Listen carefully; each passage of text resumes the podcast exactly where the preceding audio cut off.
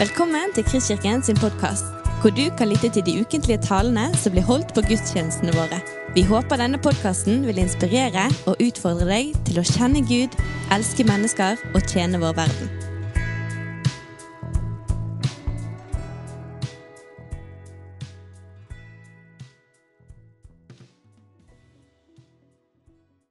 Velkommen hvis du, hvis du, ikke er så vant med å gå i Kirken eller er for første gang. Ekstra velkommen til deg. Mitt navn er Thomas Dalsbø og er en av pastorene her. Så var det litt sånn deilig å ta ned antibac nå og sende den under her. Eh, og det å sitte nærmere og sånn, så jeg vet jeg, Vi skal kanskje ikke ta helt av, men jeg kjenner iallfall at det er, det er litt kjekt. Rett og slett.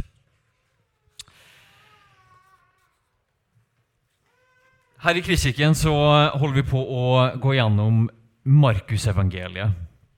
Eh, og vi har nå kommet til eh, kapittel 12, og vi skal lese eh, kapittel 12, også vers 1-12. Der er en lignelse om noen vinbønder, og noen tjenere, og noen bygningsmenn osv. Så, videre. så vi skal lese den, og så skal vi bruke litt tid sammen der i dag. Så gode himmelske Far, vi legger de minuttene her i dine hender, og vi ber om at du skal tale til oss, Herre. Eh, tale vårt til vår tanke, til vårt hjerte, til vårt hjerte til våre følelser, Herre. Amen. Når jeg var hjemme i eh, sommer, så Så altså mine, Du hører kanskje på dialekten, men mine er ikke fra Bergen. Eh, og Det vil si at jeg heier på et bedre fotballag osv., men vi skal ikke ta, ta, så mye om det. Men mine foreldre bor et annet sted. sånn at når vi, eh, når vi drar på ferie, så betyr det ganske mye, for da kommer mine barn til bestemor og bestefar, som vi ikke ser så ofte. Og så ja, Det er interessant dynamikk etter at de ble bestemor og bestefar, jeg fikk ja, ergo da fikk jeg egne barn. Så er det sånn interessante dynamikker med oppdragelse. Sant? Jeg speiler hvordan jeg sjøl ble oppdratt, og du ser dem på en ny arena. Men min sønn Jonathan han, eh, jeg husker, jeg husker, ikke hva det var i sommer, men det var noe som liksom, han, det var noe han hadde gjort som var galt. eller et eller annet sånt, Det er jo ikke ofte han gjør det, selvfølgelig. Uh, men det skjedde noe der og da, og, og, min mamma, altså bestemoren til Jonathan, hadde liksom behov for å ta han til side. Og, og mamma er barneskolelærer, så hun har liksom noen sånne ninjatriks. Eh, så hun tok henne ved siden av og så sa Jonathan her i det huset her så er det bestemor som bestemmer. Dette er bestemor sitt hus. Så Én ting er det som skjer der ute, men her inne er det bestemor sine regler. Og Jonathan han hørte på, og han fulgte med. Så det ordna seg. Så Det var et triks som jeg tok med meg, og jeg brukte liksom et par ganger etterpå. Liksom, ok, Greit, de får lov til det, og de får lov å si det, og, men akkurat her inne, i vårt hus, her det er som bestemmer. Ikke som en sånn autoritær greie, men med en sånn Her er de verdiene som vi styrer etter. Og Det er ikke først og fremst snakk om et hjem i den lignelsen vi skal lese i dag, men det er noen arbeidere som ikke i fall helt har skjønt hensikten til dem de jobber for, eh, til, en, til, en, eh, til, en, bonde. Og, og, og, um, Jesus er i dialog med de religiøse lederne, og også helt tydelig at de også ikke helt har skjønt hvilke verdier som styrer i Guds hus. Så da leser vi Markus 12, og så vers 1-12. Så begynte han å tale til dem med lignelser. En mann plantet en vinmark og satte opp et gjerde rundt den, hogg ut en vinpresse og bygde et vakttårn. Så forpaktet han den bort til noen vinbønder og reiste utenlands. Da tiden kom, sendte han en tjener til bøndene for å få sin del av avlingen. Men de grep ham, skamslo ham og sendte ham tomhendt bort. Siden sendte han en annen tjener til dem. Ham slo de i hodet og hånte. Da sendte han enda en, og ham slo de i hjel, og slik med mange andre. Noen skamslo de, og noen drepte de. Nå hadde han en eneste igjen, sin egen kjære sønn. Til sist sendte han sønnen til dem, for han tenkte, sønnen min vil de vel ha respekt for. Men vindbøndene sa til hverandre, der har vi arvingen. Kom, la oss slå ham i hjel, så blir arven vår. Dermed grep de ham, slo ham i hjel og kastet ham ut av vingården. Hva skal nå vingårdens herre gjøre? Han skal komme og gjøre ende på vinbøndene og overlate vingården til andre. Har dere ikke lest dette ordet i Skriften? Steinen som bygningsmennene vraket, er blitt hjørnesteinen. Dette er Herrens eget verk, underfullt er det i våre øyne. Da ville de gjerne ha grepet ham, for de skjønte at det var dem han siktet til med denne lignelsen. Men de var redde for folket, så de forlot ham og gikk sin vei.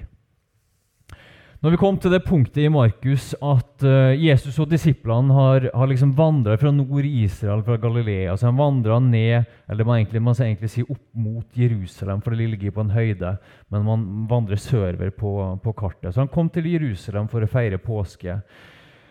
Og så har vi hatt denne kjente hendelsen hvor Jesus er i tempelet, og så driver han ut dem som selger, og dem som er pengevekslere. En, en, en, dramatisk hendelse som det, liksom, det, det, er vanskelig for oss 2000 år senere å skjønne dramatikken i at Jesus går inn i det religiøse og symbolske sentrumet i den jødiske nasjonen og det jødiske hjertet, og så stopper han hele greia. Velter bordene og, og så videre.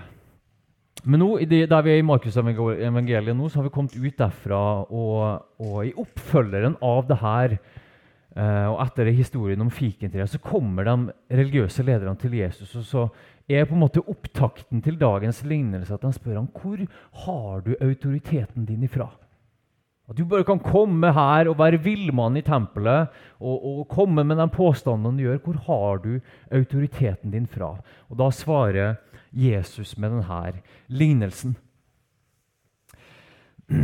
I slutten av lignelsen så, så, vi, så, avslører Markus for oss at de religiøse lederne vet veldig godt at Jesus snakker om dem. Når jeg leste fortellingen her, så, så var det ikke helt sånn åpenbart for meg at det var tilfellet. Men tydeligvis, og det får du da svar på hvis du leser i Jesaja, så er det her med vingård og, og en vingårdsmann som planter, og et gjerde rundt og et vakttårn og alt det. Det er egentlig velkjente bilder som de har i ryggmargen sin. Et velkjent bilde på Israel og på at Gud har planta Israel, og Gud vil se frukt.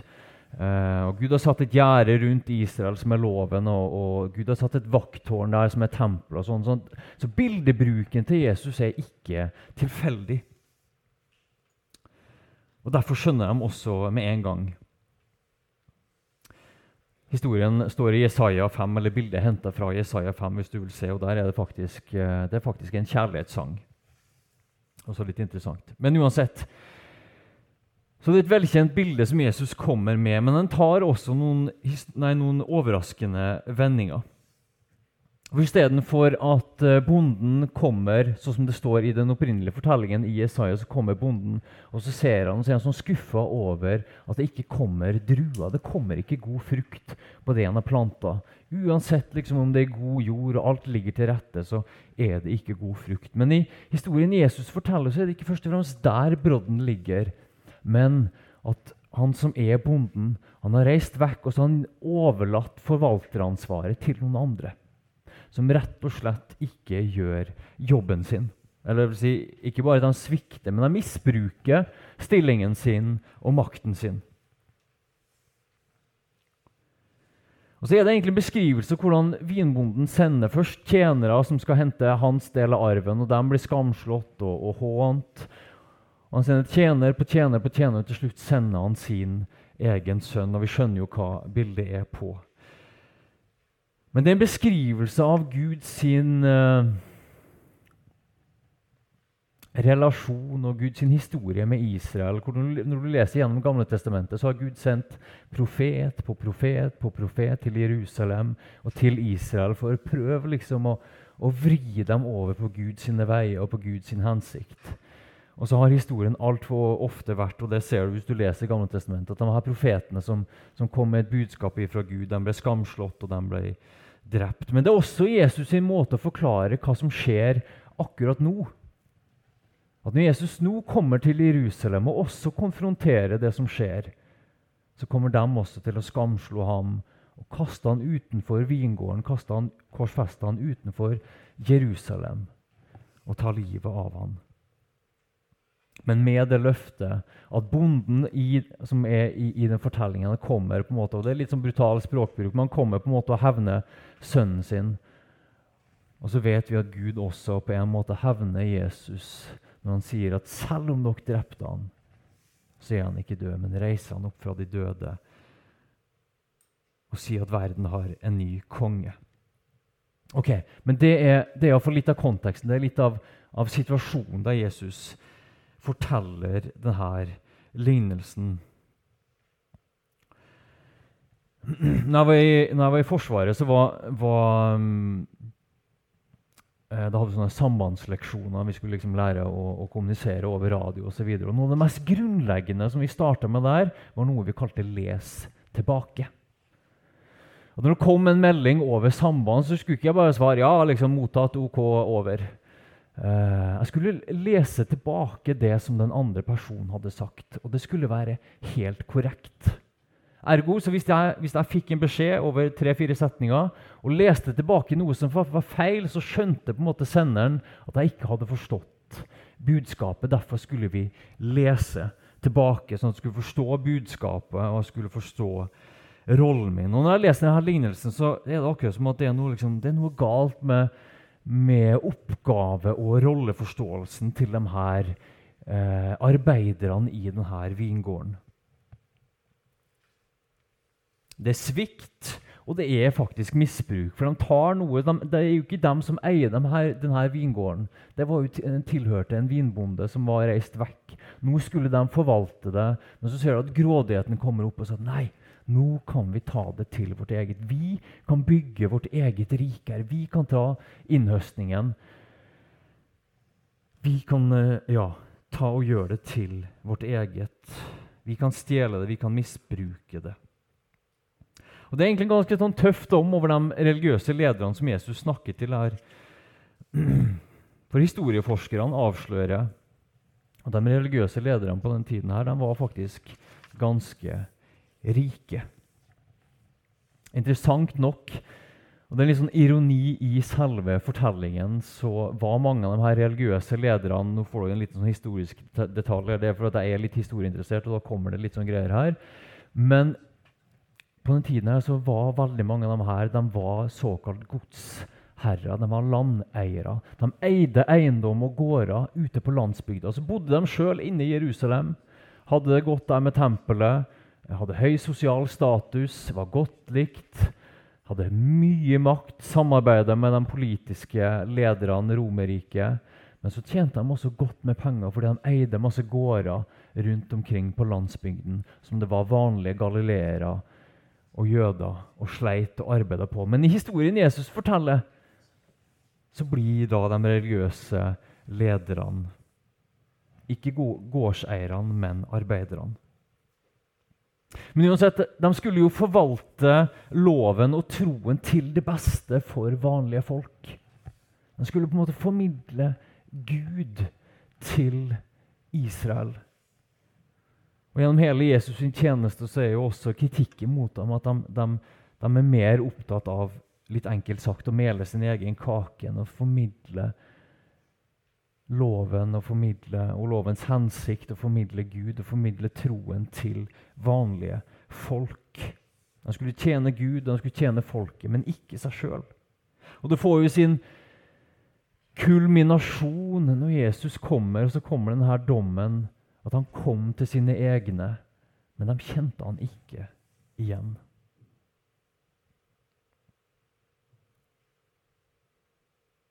Og det tror at kanskje de religiøse lederne burde hørt litt på min mor. Kanskje skulle ha fått denne setningen ikke at i mamma sitt hus er det sånn og sånn, men at i Guds hus så er det noen ikke noen regler, men det er noen verdier som styrer. I Apostelens gjerninger 7 så er det en, en, det som, den, første martyren, som heter Stefanus, som blir drept. og Han har en lang preken, men i slutten av den preken så siterer han Jesaja. og Så sier han noe om at, om at Guds hus, at Gud har skapt alt vi ser, og alt vi ikke ser. Universet. Og alt det er Guds hus. Og så, og så siterer da Stefanus Jesaja, og så sier han Likevel bor ikke den høyeste i noe som er bygd av menneskehånd. For slik taler profeten, himmelen er min trone, og jorden er min fotskammel. Hva slags hus kan dere bygge for meg, sier Herren, eller hvor er stedet der jeg kan hvile? Har ikke min hånd skapt alt dette? Og så er det akkurat som de her vingårdsarbeiderne, oversatt de her religiøse lederne, har glemt Gud. De er veldig opptatt av å bygge sitt eget rike eller å ta til seg av, av, av, av, av druehøsten sjøl. Og så har han glemt at det er noen andre som eier det. Ikke bare tempelet, ikke bare det religiøse, men alt. Og Sånn er det med oss også. Vi lever i på en måte Guds hus. Ikke bare i kirken, ikke bare det religiøse, men alt vi ser. Naturen, universet. Alt sammen er Guds hus.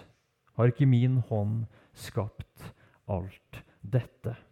Og Da betyr det noe hvordan vi forholder oss til det Gud har skapt. Til hverandre, til naturen, til medmennesker. Eller for å bruke et annet ord på det Gud har født alt. Jeg syns det ordet er et, et, et fabel, for det er enda mer sånn intimt. Gud han er skaperen av alt. Ja, han har født alt sammen, alt liv.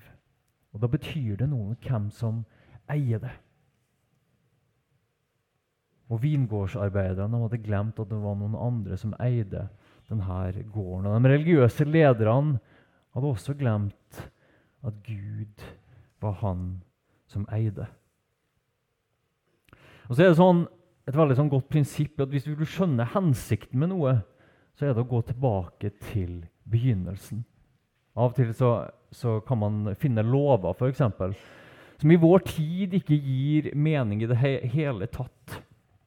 Men hvis du går tilbake til når loven ble skrevet, så finner man kanskje en hensikt likevel. Det var noe der og da i begynnelsen som ga det en hensikt.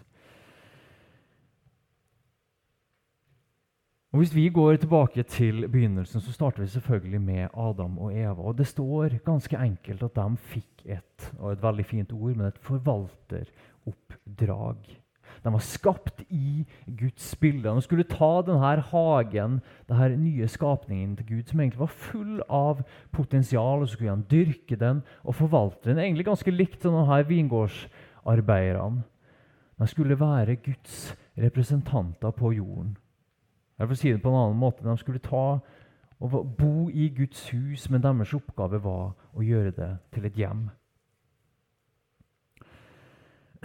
Og da blir selvfølgelig mitt spørsmål når jeg jobber med den teksten her, og som jeg tror gjelder oss alle, er hvilken rolleforståelse har vi?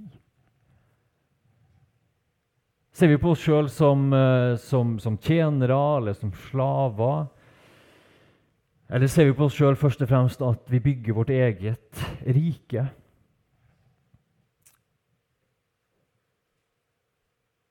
Men igjen, hvis vi går tilbake til begynnelsen så finner vi også vår rolle og vår selvforståelse.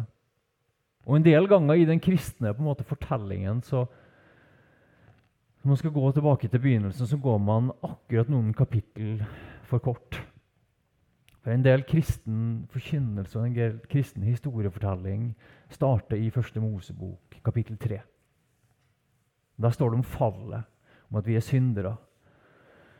Og så blir Det veldig, og det er et, et, veldig viktig punkt i Bibelen og i måte, Guds fortelling i kapittel 3. Men hvis vi starter der, så blir vår rolleforståelse litt skeiv. Da blir vi den kristne fortellingen først og fremst at vi er syndere som skal prøve å synde litt mindre. Men hvis vi går tilbake til kapittel 1 så finner vi den opprinnelige hensikten til Gud. At Gud skapte, og så skapte han noen til å forvalte det som han skapte i sitt eget bilde. Du er skapt i Guds bilde. Og det har enormt mye å si for min og din rolleforståelse. Vi bor i Guds hus på denne planeten i dette universet, som Gud har født, som Gud har skapt.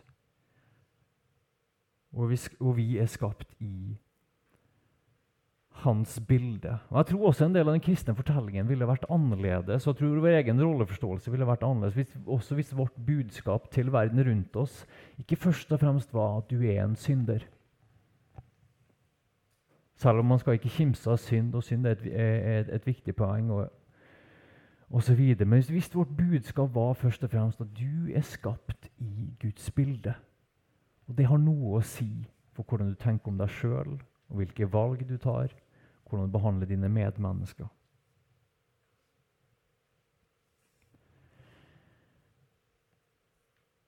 Og Så blir det andre spørsmålet hvilket, hvordan, hvordan, forvalter vi, og hvilket hjem er vi? De her Vingårdsarbeiderne var veldig opptatt av å, av å karre til seg sjøl og hadde helt glemt hensikten, eller ville ikke vite hensikten med arbeidet sitt.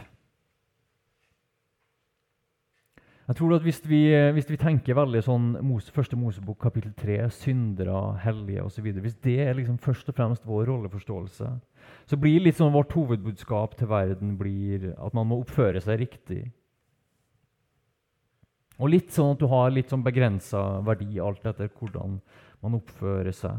Utfordringen blir synd mindre å være opptatt av etikk og moral. Uh, det er heller ikke en tilnærming som er sånn her kjempegøy. Det er ikke, det er ikke liksom sånn superkult å være den på jobben som kommer og sier at uh, ja, du må drikke mindre og du må banne mindre. Og jeg skulle til å si det her jeg har prøvd. uh, og, og, I min ungdom så var jeg veldig ivrig og, og, og veldig mye bra med det. Men jeg husker en gang så, så, så sa jeg til liksom en kompis som var veldig sånn, snakka veldig åpent om han hadde gjort noe som jeg mente var synd, og han var ikke veldig angrende heller. Så sa jeg det til ham at uh, jeg hører hva du sier, og så, og så sa jeg hold deg fast. Og så sa jeg du skal få din dom, sa jeg. Og det er veldig flaut å si. uh, for jeg tror ikke helt at uh, at jeg var en god forvalter når jeg sa det. Jeg tror heller ikke jeg skjønte helt hvilken, hvilket gudsbilde jeg kom med. Og for å si Det sånn, det har noe å si hvilke verktøy vi bruker. og og når vi hele tiden jobber med den distinksjonen syndere og hellige, og det er det hele vår rolleforståelse, så blir veldig fort verktøyene våre blir pekefinger. Og det blir å stå på avstand. Og når man står på avstand, så er det veldig fort gjort å kaste stein også.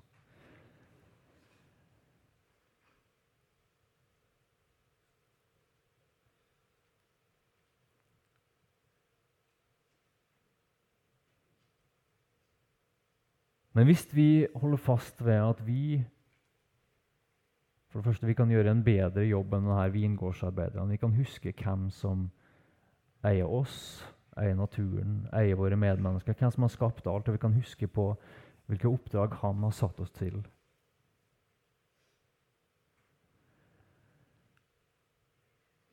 Når Gud skapte Adam og Eva, så var det akkurat som at han sa at når dere skal ta og være mine representant, representanter videre, så skal dere akkurat Det her er kanskje litt sånn uh, merkelig ord, men dere skal være medskapere.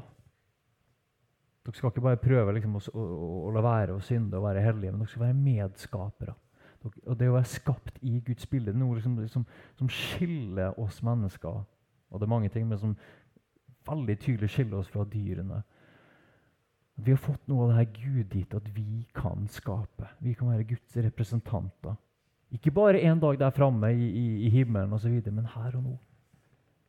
Så kan vi være, være, være forvaltere og være medskapere med Gud. For Gud holder på med noe. Gud holder på å skape et hjem. Og hvilket hjem er vi med å lage? På vår arbeidsplass, i vår verden, i våre familier.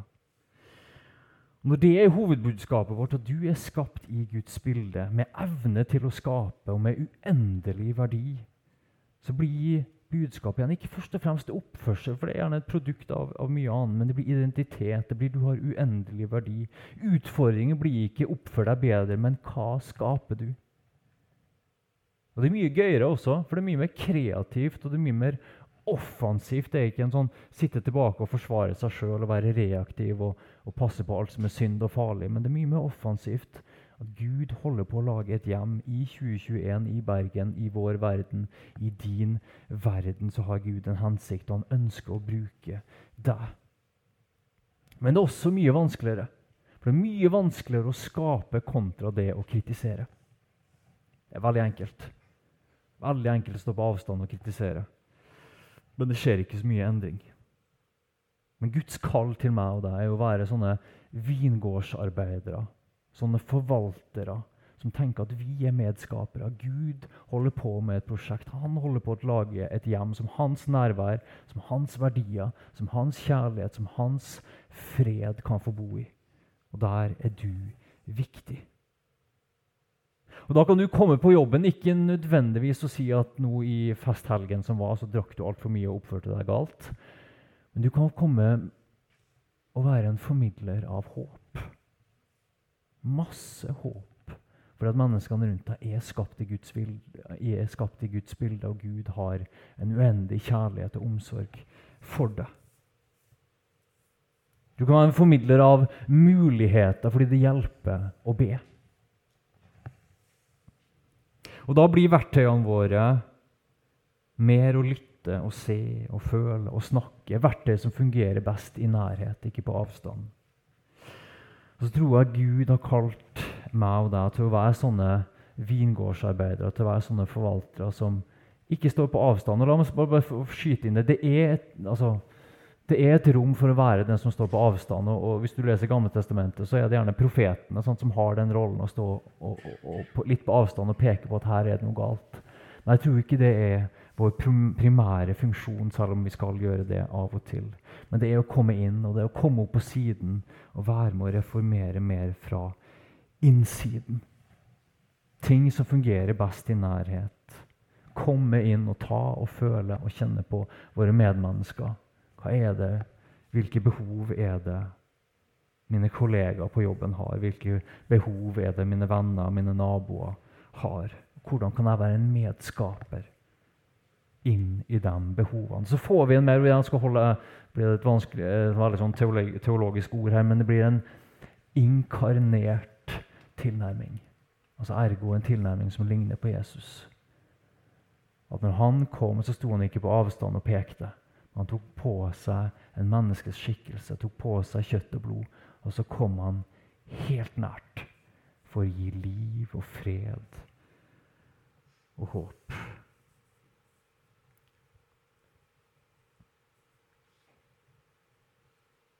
Derfor er mitt enkle budskap til deg her i formiddag som jeg håper at du kan ta med deg, at du er skapt i Guds bilde. Ikke til å mele din egen kake. Og vi forvalter våre egne talenter, våre relasjoner, våre ressurser. Egentlig så står vi til ansvar for Gud, for det er Han som eier alt. Men vi er kalt til å være medskapere. Og til å forme din verden til å bli enda litt mer et hjem hvor Gud kan bo. Derfor tenker jeg at det er passe at vi i Kirken har denne setningen i, i, i, i vår visjonssetning om å elske Gud Nei, kjenne Gud, elske mennesker og tjene vår verden. Du skal få reise deg, og så skal vi avslutte med en bønn.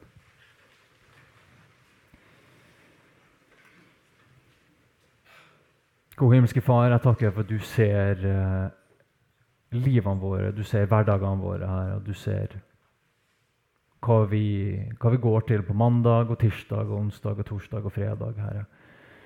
Hvilket ansvar vi har, og, og hva, som, hva, som, vi går og tenker på, og hvor vi har påvirkningsmuligheter. Jeg ber bare først og fremst her at hver enkelt her inne, hver enkelt av oss skal få kjenne i dypet av vårt hjerte, Herre, at vi har verdi hos deg, Gud, og at vi er skapt i ditt bilde. Ber for en, at vi ikke skal se ned på oss sjøl eller det du har gitt oss her, og tenke at vi ikke kan bidra. Men, men, å holde det høyt, at vi er skapt i ditt bilde. Og så ber jeg også om uken som ligger foran her, at du skal gi oss muligheter og vise oss muligheter til å være medskapere her, til å være formidlere, ikke av pekefinger, ikke av steinkasting, men av håp, av fred, av kjærlighet av glede rett og slett få lov å formidle deg, Gud. I Jesu navn. Amen. Du har lyttet til en podkast fra Kristkirken i Bergen. Vi håper du har blitt inspirert og utfordret i din vandring med Gud. Vil du vite mer om oss, så klikk deg inn på kristkirken.no.